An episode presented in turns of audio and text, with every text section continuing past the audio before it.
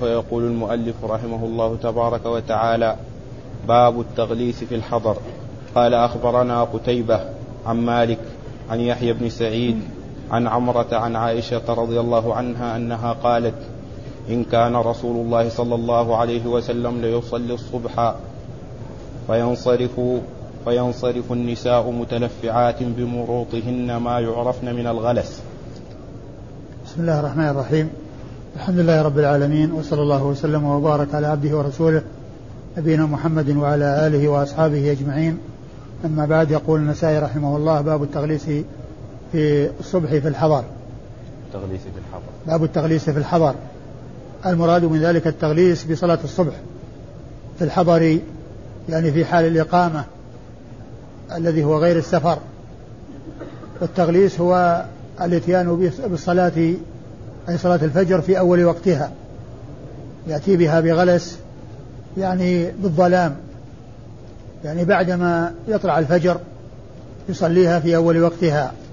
هذا هو التغليس. والتغليس الذي هو الاتيان بالصلاة في أول وقتها أي صلاة الفجر. وكذلك أيضا الصلوات الأخرى يؤتى بها في أول وقتها. لأن في الوقت الصلاة في أول الوقت في مبادرة إلى الخير ومبادرة إلى أداء الواجب وحرص على أداء ما فرض الله عز وجل في أول وقت يجب على الإنسان الإتيان به. وعرفنا فيما مضى أنه في حال شدة الحر يبرد بصلاة الظهر وأن صلاة العشاء تؤخر ما لم يكن هناك مشقة على الناس. فإن فإنها يبكر بها ويبادر بها. وإذا فالتغليس في الفجر هو على ما هو معهود من هديه عليه الصلاة والسلام من المبادرة إلى الصلوات. المبادرة إلى الصلوات في أوائل أوقاتها. وقد أورد النسائي حديث عائشة أم المؤمنين رضي الله تعالى عنها وأرضاها أن النبي عليه الصلاة والسلام كان يصلي الصبح وينصرف المؤمنات نساء المؤمنات متلفعات بمروطهن ما يعرفهن أحد من الغلس. يعني أنهن يحضرن الجماعة وصلاة الجماعة مع الرسول عليه الصلاة والسلام ثم يذهبن متلفعات بمروطهن ما يعرفن من الغلس. يعني أنه ما ما حصل ظهور الضياء الشديد الذي يحصل به التبين والتعرف على الإنسان. فهذا يدلنا على التبكير بصلاة الصبح وعلى حضور النساء الصلاة في المساجد وعلى أيضا تسترهن وعلى أنهن يتسترن إذا خرجن والتلفع هو التلفف ويكون ذلك أيضا بتغطية الرؤوس لأن التلفف قد يكون بتغطية الرؤوس وقد يكون بغيرها لكن التلفع يعني فيه تلفف مع تغطية الرأس أو تلفف يدخل تحته تغطية الرأس. ومن المعلوم أن أن كونهن ينصرفن وهن متلفعات من بروطهن ما يعرفن من الغلس معنى هذا أن الصلاة قد فرغ منها والغلس موجود أي الذي هو الظلام. وهذا يدل على التبكير بصلاة الفجر وهو مطابق لما ترجم له المصنف. وأما ذكر الحضر فإن قوله يعني آه، ذكر النساء وأنهن يحضرن الصلاة وينصرفن متلفعات بمروطهن يعني إلى منازلهن هذا إنما يكون في الحضر. هذا يكون في الحضر. أما إسناد الحديث فيقول النسائي أخبرنا قتيبة وقتيبة هو بن سعيد بن جميل بن طريف البغلاني وهو ثقة خرج حديثه أصحاب الكتب الستة. عن عن مالك. عن مالك ابن أنس إمام دار الهجرة المحدث الفقيه صاحب المذهب المعروف المشهور أحد الأئمة الأربعة الذين دونت مذاهبهم واعتني بأقوالهم وصار لهم أصحاب عنوا بها وبتدوينها لكن هذا لا يعني أن غير الأئمة الأربعة آه، ليس مثلهم في الفقه وفي العلم بل من العلماء في زمانهم وقبل زمانهم. يعني من في زمانهم وقبل زمانهم من هو متمكن ومن هو مثلهم. إلا أنه ومن هو مجتهد في الفقه ولهم أقوال إلا أنه ما حصل لهم مثل ما حصل لهؤلاء الأئمة الأربعة يعني أصحاب يعنون بجمع كلامهم وجمع فقههم وتدوينه وترتيبه والعناية به. وهذا لا يعني أن الحق هو محصور في أقوال الأئمة الأربعة. لا يعني أن الحق محصور في أقوال الأئمة الأربعة ولكن الأئمة الأربعة مجتهدون وهم إما مجتهدون مصيبون وإما وإما مجتهد وكل واحد منهم إما مجتهد مجتهد مصيب أو مجتهد مخطئ والمجتهد المصيب له أجران والمجتهد المخطئ له أجر واحد. فاللائق بطالب العلم هو محبتهم والثناء عليهم والاستفادة من علمهم لكن لا يلتزم الإنسان بقول واحد منهم لأن العصمة ليست لأحد بعد رسول الله عليه الصلاة والسلام. لا يقال هذا في حق الخلفاء الراشدين بأن الحق مع فلان وأن كل ما يقوله حق لا يخطئ فيه وأنه آه لا يخطئ اجتهاده لا. كل آه كل كل يخطئ ويصيب لكن آه صحابة رسول الله صلى الله عليه وسلم أكثر صوابا من غيرهم أكثر صوابا من غيرهم ولكن لا يعني أن الواحد منهم معصوم لا يخطئ ويجتهد في مسألة ويقول فيها بخلاف آه، ما هو الحق ولكنه سواء أصاب أو أخطأ فهو مأجور. وكذلك أصحاب المذاهب الأربعة رحمة الله عليهم هم مجتهدون وعلى و و و ولا يعدم كل واحد منهم الأجر أو الأجرين. لأنه إما مجتهد مصيب وإما مجتهد مخطئ. والمجتهد المصيب له أجران والمجتهد المخطئ له أجر واحد كما قال ذلك رسول الله عليه الصلاة والسلام. إذا اجتهد الحاكم فأصاب فله أجران وإن اجتهد فأخطأ فله أجر واحد. إذا اجتهد الحاكم فأصاب فله أجران وإن اجتهد فأخطأ فله أجر واحد. وإذا فطالب العلم والمسلم عليه أن يعنى بمعرفة الحق بدليله ويستفيد من كلام العلماء. ويرجع إلى كلام العلماء لكن هذا لا يعني أن يقول الحق مع فلان وأنا ألتزم بقول فلان ولا أخرج عن قول فلان بل عليه أن يرجع إلى كلام أهل العلم وإلى أن يسأل أهل العلم وأن يعرف الحق بدليله. وإذا ثبت الدليل عن رسول الله عليه الصلاة والسلام فإنه لا يجوز لأحد أن يتركه وهذه وصية الأئمة الأربعة كل واحد منهم أوصى بأنه إذا وجد حديث صحيح بخلاف ما قاله واحد منهم فإنه يعول على الحديث الصحيح ويترك ما قاله الواحد منهم. وقد قال الإمام الشافعي رحمة الله عليه أجمع المسلمون على أن من استبانت له سنة رسول الله صلى الله عليه وسلم ليس له أن يدعها لقول أحد كائنا من كان.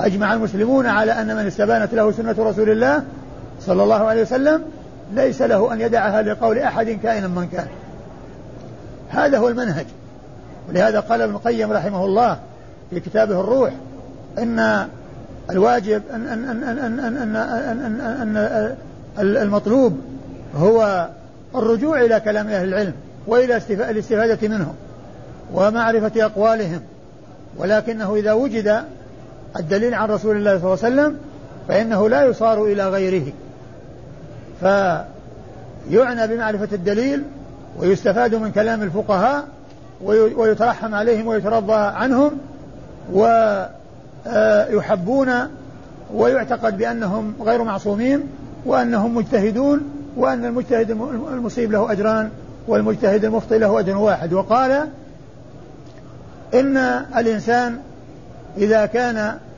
في الفلاة فإنه يستدل على القبلة بالنجم. يستدل على القبلة بالنجم. لكن الإنسان إذا وصل إلى القبلة وصارت الكعبة أمامه لا يحتاج إلى أن ينظر في النجوم ليعرف القبلة. لأن القبلة أمامه. قال فكذلك أهل العلماء الإنسان عندما لم يتبين له الحق يستفيد منهم ويستدل على الحق بكلامهم حيث لا يوجد الدليل.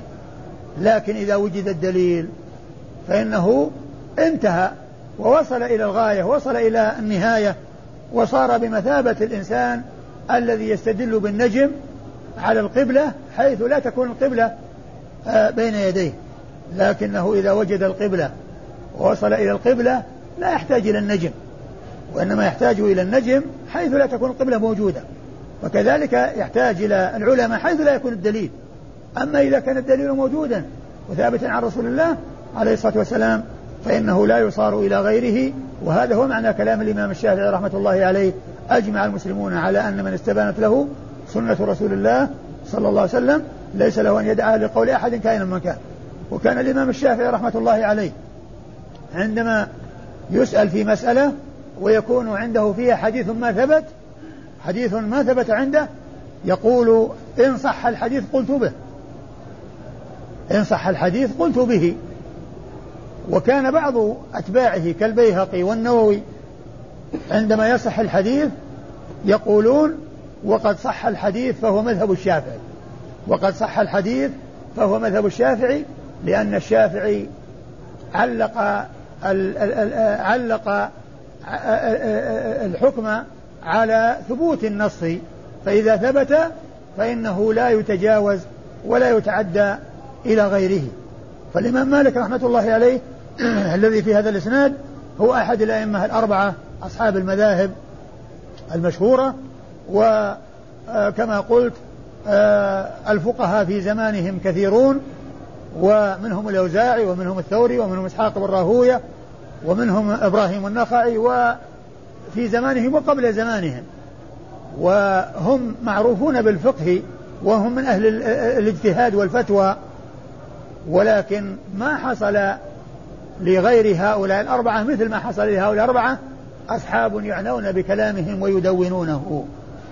ولا يقال إن الحق هو آآ آآ لا يخرج أو لا يعني أن هؤلاء الأربعة معصومين وأن الحق معهم لا يتعداهم إلى غيرهم لا يقال هذا. لأن الحق هو ما ثبت ما ثبت به الدل ما ثبت في الدليل ما جاء في كتاب الله وثبت في سنة رسول الله عليه الصلاة والسلام. ولكن حيث لا نص فإنه يجتهد. ومن المعلوم أن الإنسان يرجع إلى كلام أهل العلم في المسائل الاجتهادية التي لا يتضح فيها الأمر. ويستفيد من علمهم ولا يقول أن أنه لا يحتاج إليهم لا. ما أحوج طالب العلم إلى كلام الفقهاء وإلى كلام الأئمة الأربعة وغير الأئمة الأربعة. وأحوج والإنسان أحوج ما يكون إلى معرفة كلامهم. فلا يقال أنه يعرض عن كلامهم. فالحق وسط بين الإفراط والتفريط. لا يقال أنه يعرض عن كلامهم ولا يقال أن كلامهم هو الحق الذي لا يجوز العدول عنه. بل يستفاد من علمهم ويستعان بهم إلى معرفة الحق وإلى معرفة الدليل وإلى معرفة آآ آآ الحكم الشرعي وإذا وجد الدليل الثابت عن رسول الله عليه الصلاة والسلام فإنه لا يصار إلى غيره وهذا هو وهذا هو الذي فيه الأخذ بوصية الأئمة الأربعة وغيرهم الذين يحثون على اتباع على اتباع ما يأتي عن رسول صلى الله عليه وسلم. مالك؟ عن يحيى بن سعيد. عن يحيى بن سعيد وهو الأنصاري. يحيى بن سعيد الأنصاري المدني وهو من صغار التابعين. وهو ثقة خرج حديثه أصحاب الكتب الستة. عن عمرو بنت عبد الرحمن الأنصارية. وهي ثقة كثيرة الرواية عن عائشة رضي الله تعالى عنها وحديثها أخرجه أصحاب الكتب الستة. عن عائشة أم المؤمنين الصديقة بنت الصديق رضي الله تعالى عنها وأرضاها. أكثر أكثر الصحابيات حديثا وهي واحدة من سبعة أشخاص عرفوا بكثرة الحديث عن رسول الله صلى الله عليه وسلم وهم ستة من الرجال وواحدة من النساء. هذه الواحدة هي عائشة وهم الذين جمعهم السيوطي بقوله في الألفية والمكثرون في رواية الأثر أبو هريرة يليه بن عمر وأنس والبحر كالخدري وجابر وزوجة النبي. فزوجة النبي المراد بها أم المؤمنين عائشة رضي الله تعالى عنها وأرضاها.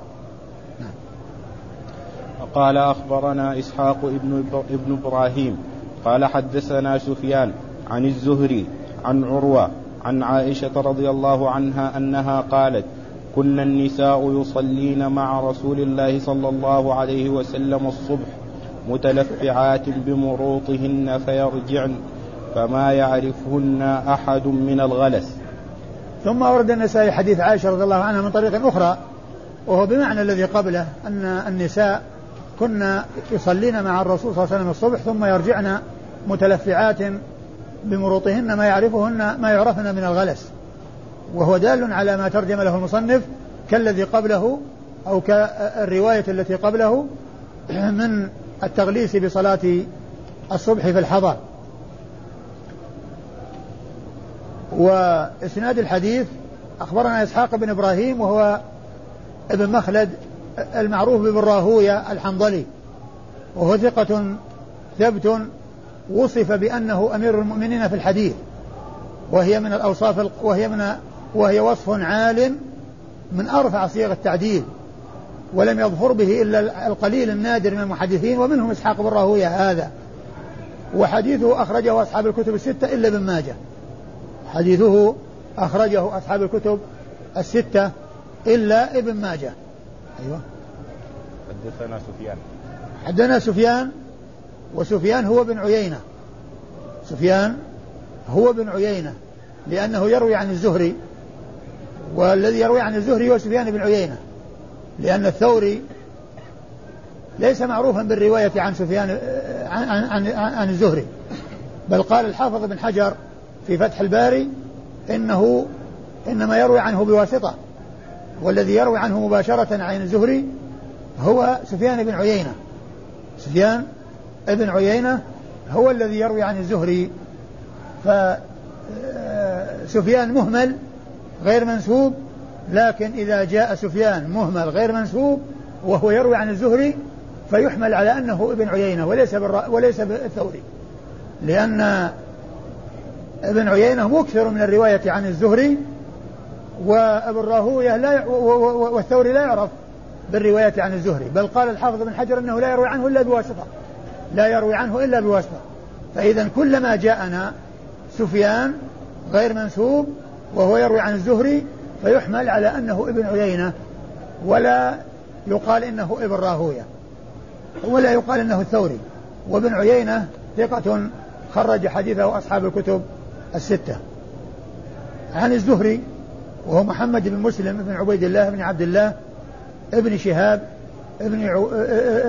ابن عو... ابن عبد الله ابن الحارث ابن زهرة ابن كلاب وهو مشهور بج... بالنسبة إلى جده زهرة بن كلاب فيقال له الزهري ومنسوب إلى جده شهاب يقال له ابن شهاب وهذان أكثر ما يأتي الإطلاق عليه يقال ابن شهاب ويقال الزهري وهو إمام محدث فقيه جليل القدر كثير الرواية وهو أول من قام بجمع السنة بتكليف من عمر بن عبد العزيز رحمة الله عليه في زمن خلافته.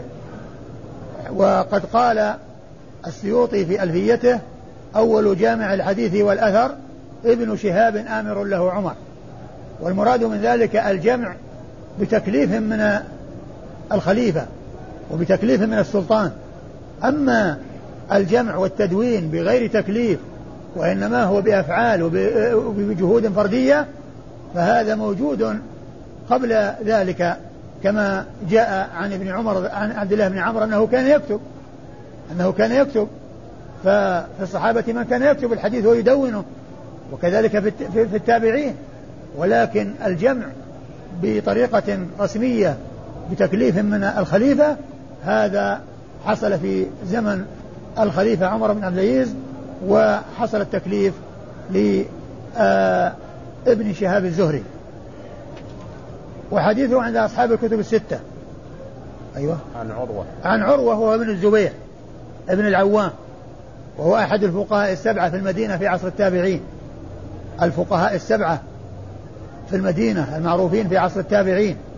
عروة بن الزبير هو واحد منهم.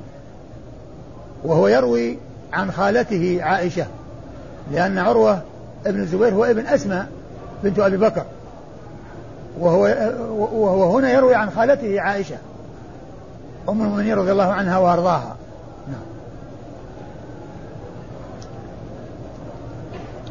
باب التغليث في السفر وقال أخبرنا إسحاق ابن إبراهيم قال أخبرنا سليمان بن حرب قال حدثنا حماد بن زيد عن ثابت عن أنس رضي الله عنه أنه قال صل صلى رسول الله صلى الله عليه وسلم يوم خيبر صلاة الصبح بغلس وهو قريب منهم فأغار عليهم وقال الله أكبر خربت خربت خيبر مرتين إنا إذا نزلنا بساحة قوم فساء صباح المنذرين. ثم ورد النسائي هذه الترجمة وهي باب التغليس في السفر. الترجمة الأولى التغليس في الحضر وأورد حديث عائشة من طريقين. وهذه الترجمة التغليس في السفر. يعني كون كونه يصليها بغلس يعني في السفر. ورد في حديث أنس في قصة خيبر وغزو غزوة غزوة خيبر وأن الرسول صلى الله عليه وسلم صلى الصبح بغلس قريبا من خيبر. وهذا هو محل الشاهد صلاها بغلس يعني مبكرا في أول وقتها. ثم قال الله أكبر الله أكبر. إن إذا نزلنا ساحة قوم فساء صباح المنذرين. خربت خيبر. يعني خربت على أهلها. وأنهم خذلوا وأنهم هزموا وأن النصر للمسلمين عليهم. فمحل الشاهد منه قوله صلاها الصبح بغلس قريبا من خيبر يعني في السفر.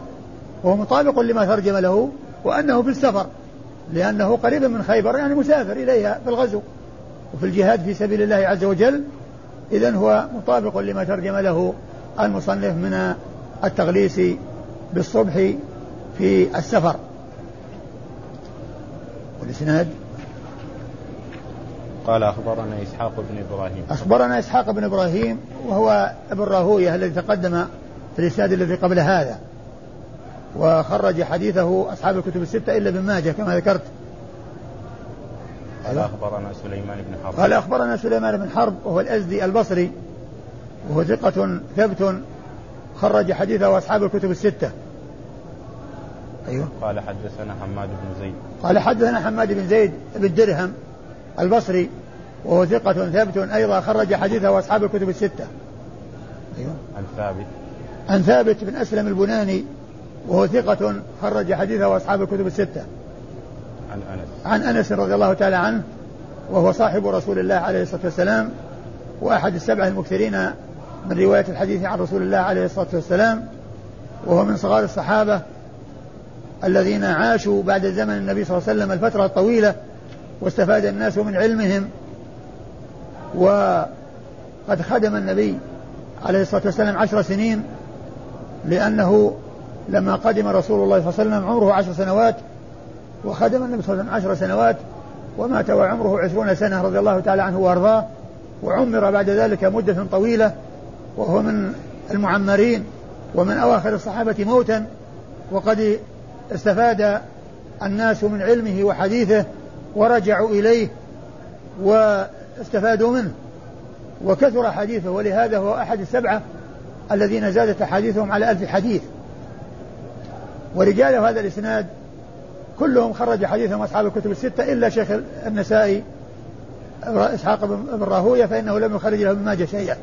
وأما الباقون وهم سليمان بن حرب وحماد بن زيد وثابت البناني وأنس بن مالك فهؤلاء جميعا حديثهم عند أصحاب الكتب الستة. باب الإسفار. قال أخبرنا عبيد الله بن سعيد. قال حدثنا يحيى عن ابن عجلان قال حدثني عاصم بن عمر بن قتادة عن محمود بن لبيد عن رافع بن خديج رضي الله عنه عن النبي صلى الله عليه وسلم أنه قال أسفروا بالفجر.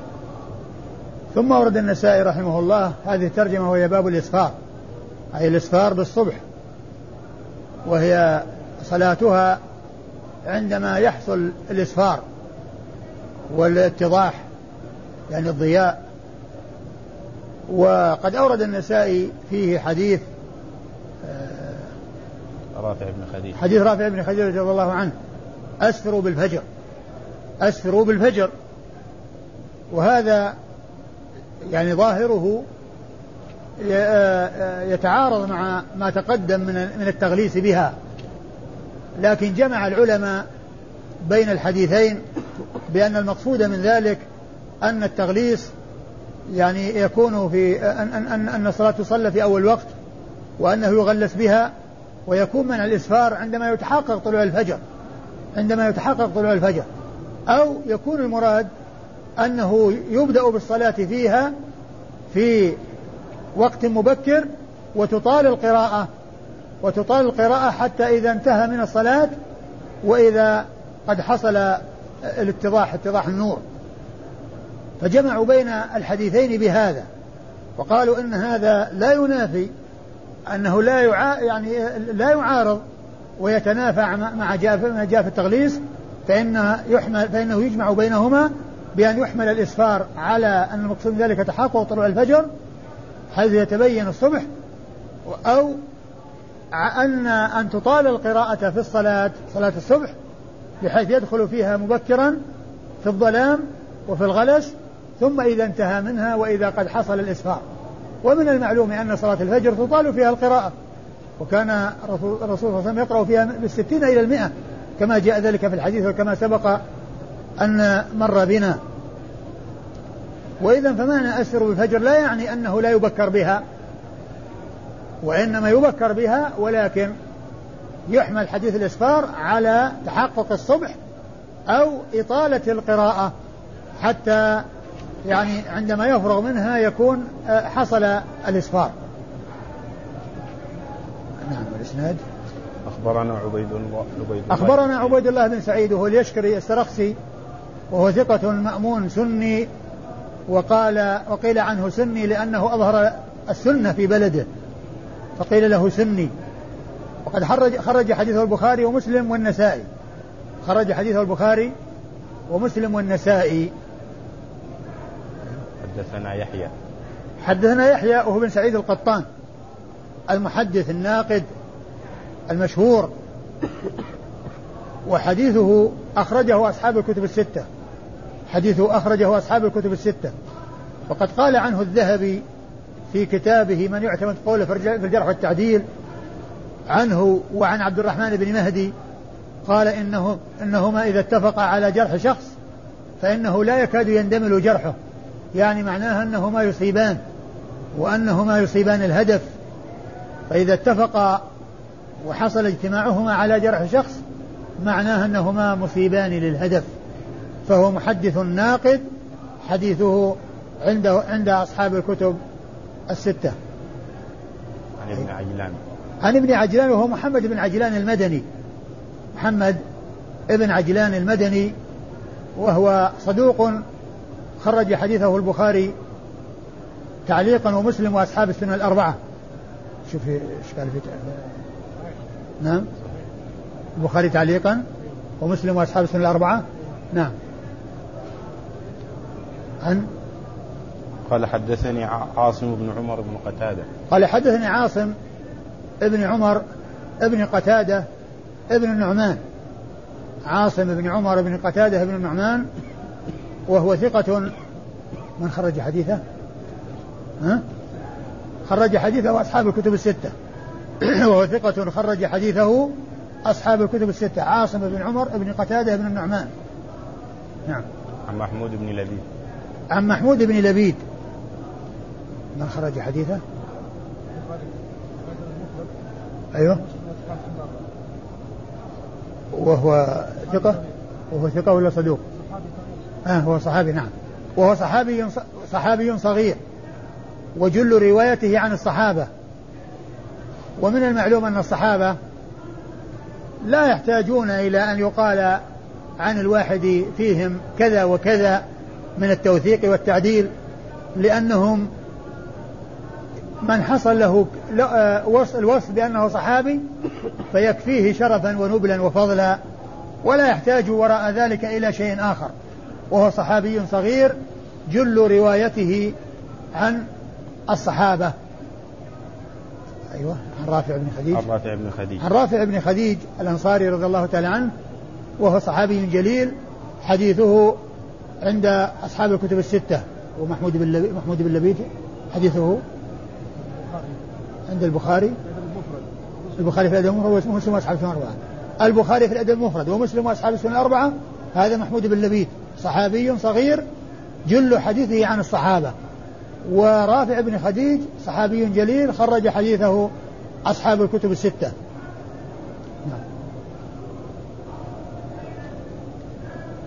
وقال أخبرنا إبراهيم بن يعقوب قال حدثنا قال حدثنا ابن أبي مريم قال أخبرنا أبو غسان قال حدثني زيد بن أسلم عن عاصم بن عمر بن قتادة عن محمود بن لبيد عن رجال من قومه من الأنصار أن رسول الله صلى الله عليه وسلم قال ما أسفرتم بالفجر فإنه أعظم بالأجر. ثم ورد النسائي رحمه الله حديث محمود بن لبيد لكنه لم يذكر الصحابي وإنما عن عن رجال من قومه من الأنصار. وقد ذكر في الإسناد الأول واحدا منهم وهو رافع بن خديج. وهنا ذكر أنه عن رجال. ومن المعلوم أن رافع بن خديج هو من قومه من الأنصار فهو واحد من هؤلاء. وقد عرفنا أن جل رواية عن الصحابة. فحديثه فيعني آه، ما يرويه عن يعني ما يرويه هو جله عن الصحابة. وهنا فيه التصريح أنه عن رجال من قومه من الأنصار. وفي الرواية الأولى تسمية واحد منهم وأنه رافع بن خديج وأنه رافع بن خديج الأنصاري رضي الله تعالى عنه. وهو بمعنى الحديث الأول آه، أسفروا آه، أسفروا بالفجر. أسفروا في الفجر. الأول؟ لا الحديث هذا. ما أسفرتم بالفجر فإنه أعظم بالأجر. ما أسفرتم بالفجر فإنه أعظم بالأجر أو أعظم للأجر. يعني هذا يدل على الإسفار بها وأن فيه آه أن فيه عظم الأجر. وقد عرفنا في الكلام على الحديث آه، آه، على الحديث الأول أن المقصود من ذلك أنه يكون بإطالة القراءة أو يكون بتحقق آه، بها يعني يعني الإسفار يعني بتحقق طلوع الفجر. أو بإطالة القراءة بحيث يبدأ بها مبكرا وينتهي من الصلاة وقد حصل الإسفار. والإسناد؟ أخبرنا إبراهيم بن يعقوب. أخبرنا إبراهيم بن يعقوب بن إسحاق الجوزجاني وهو ثقة حافظ رمي بالنصب وحديثه أخرجه الترمذي والنسائي أخرجه أبو داود والترمذي والنسائي أو أو ابن ماجه بدل أبو داود. إيش عندكم؟ التقريب الترمذي والنسائي وابن ماجه. لعله لعله الترمذي والنسائي وابن ماجه. إبراهيم بن يعقوب بن إسحاق الجوزجاني. وين التقريب؟ اي موجود. لعله الترمذي والنسائي وابن ماجه. إبراهيم بن يعقوب بن إسحاق الجوزجاني. نعم. من الحادية عشر مات سنة 59 أبو داود والترمذي والنسائي. أبو داود؟ والترمذي أبو داود والترمذي والنسائي. أبو داود والترمذي والنسائي ليس ابن ماجه. نعم. ثقة حافظ. ثقة حافظ نعم. حدثنا ابن أبي مريم. حدثنا ابن أبي مريم. ابن أبي مريم المراد به آه، آه، الحكم آه، سعيد بن الحكم المصري. سعيد بن الحكم المصري وهو ثقة خرج حديث أصحاب الكتب ولا؟ ها؟ أصحاب الكتب؟ نعم خرج حديث أصحاب الكتب الستة. آه، سعيد بن الحكم آه، المصري آه، المشهور بابن أبي مريم. وابن أبي مريم يطلق على جماعة. فيهم مصري وفيهم حمصي وفيهم شامي وفيهم بصري وكلهم يقال لهم ابن أبي مريم. لكن يعرف ذلك بمعرفة الطبقات وإذا اتحدت الطبقة يعرف بالتلاميذ والشيوخ. وقد ذكروا في ترجمة يعني آه هذا اللي هو سعيد بن الحكم المصري بأنه روى عن أبي غسان محمد بن مطرف وروى عنه آه إبراهيم إبراهيم بن إبراهيم يعقوب, يعقوب الجوزجاني فهو المصري. نعم وهو ثقة خرج حديثه وأصحاب الكتب الستة. أيوه. قال أخبرنا أبو غسان. قال حدثنا أبو غسان أخبرنا أبو غسان. وأبو غسان هو محمد بن مطرف. محمد ابن مطرف وهو ثقة خرج حديثه وأصحاب الكتب الستة. قال حدثنا زيد بن أسلم. حدثنا زيد بن أسلم المدني وهو ثقة أيضا خرج حديثه أصحاب الكتب الستة. أيوه. عن عاصم بن عمر بن قتادة. عن عن عاصم بن عمر بن قتادة بن نعمان وهو أيضا ثقة حديثه عند أصحاب الكتب الستة وقد مر في الإسناد الذي قبل هذا. عن محمود بن لبيد وهو الصحابي وهو صحابي صغير جل رواية عن الصحابة كما عرفنا وحديثه أخرجه البخاري في الأدب المفرد ومسلم وأصحاب السنن الأربعة. ويروي عن رجال من الأنصار من قومه وجل روايته عن الصحابة ومن هؤلاء رافع بن خديج الأنصاري الذي مر ذكره في الإسناد السابق. ومن المعلوم أن الصحابة رضي الله عنهم الجهالة فيهم لا تؤثر بل الجهالة تؤثر في غيرهم. أما هم فيكفي أن يقال عن الواحد منهم أنه صاحب رسول الله صلى الله عليه وسلم. باب من أدرك ركعة من صلاة الصبح. وقال أخبرنا إبراهيم بن محمد ومحمد بن المثنى واللفظ له. قال حدثنا يحيى عن عبد الله بن سعيد. قال أخبرني عبد الرحمن بن عبد الرحمن عبد الرحمن الأعرج. عن أبي هريرة رضي الله عنه عن النبي صلى الله عليه وسلم قال من أدرك سجدة من الصبح قبل أن تطلع الشمس فقد أدركها ومن أدرك سجدة من العصر قبل أن تغرب الشمس فقد أدركها. باب من أدرك؟ باب من أدرك ركعة من صلاة الصبح.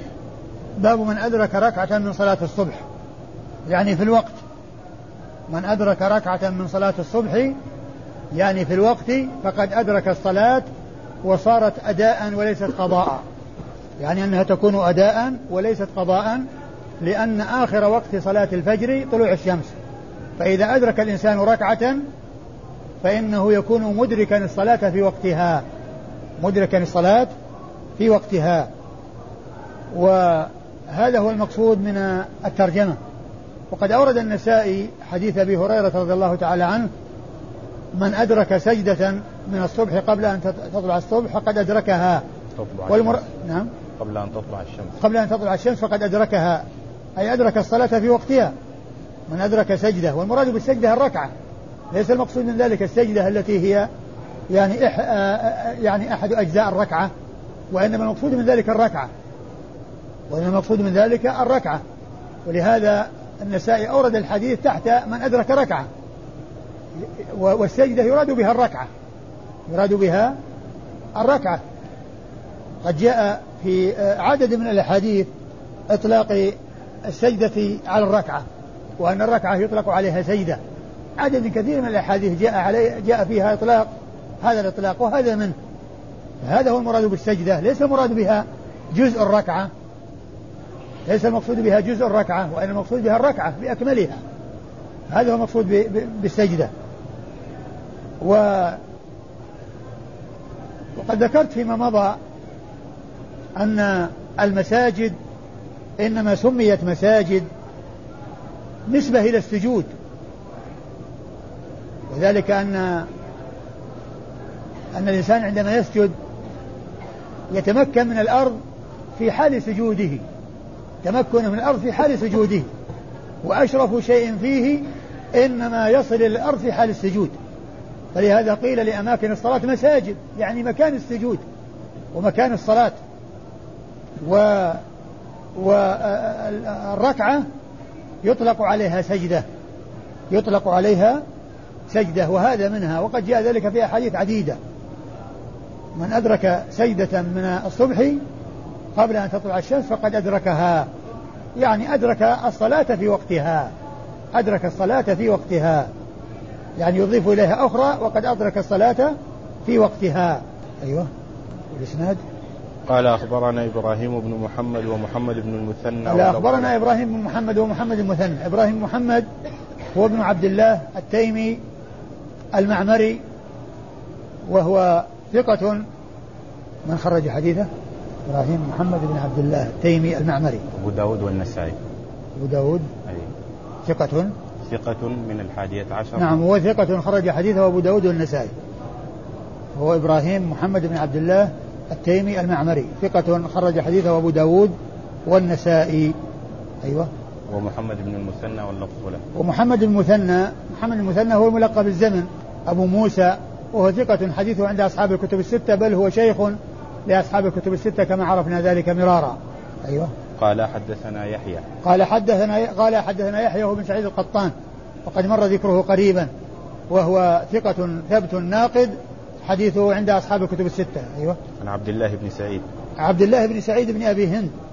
عن عبد الله بن سعيد ابن أبي هند. وهو إيش؟ إيش قال فيه؟ من خرج له. عبد الله بن سعيد بن أبي هند. عبد الله بن سعيد بن أبي هند. ما جت عبد الله بن سعيد؟ كثير يا شيخ لا لا عبد الله بن سعيد في في في, في الأواخر عبد الله بن سعيد. آخر من يقال عبد الله بن سعيد. لا مو قبل. عبد الله بن سعيد بن أبي هند الفزاري مولاهم. أيوه. صدوق ربما وهم. أيوة. من السادسة. خرج له الستة. روى له الجماعة. نعم. صدوق ربما واهم خرج له الجماعة أصحاب الكتب الستة. عبد الله عبد الله بن سعيد بن أبي هند الفزاري وهو صدوق ربما وهم وحديثه عند أصحاب الكتب الستة. نعم.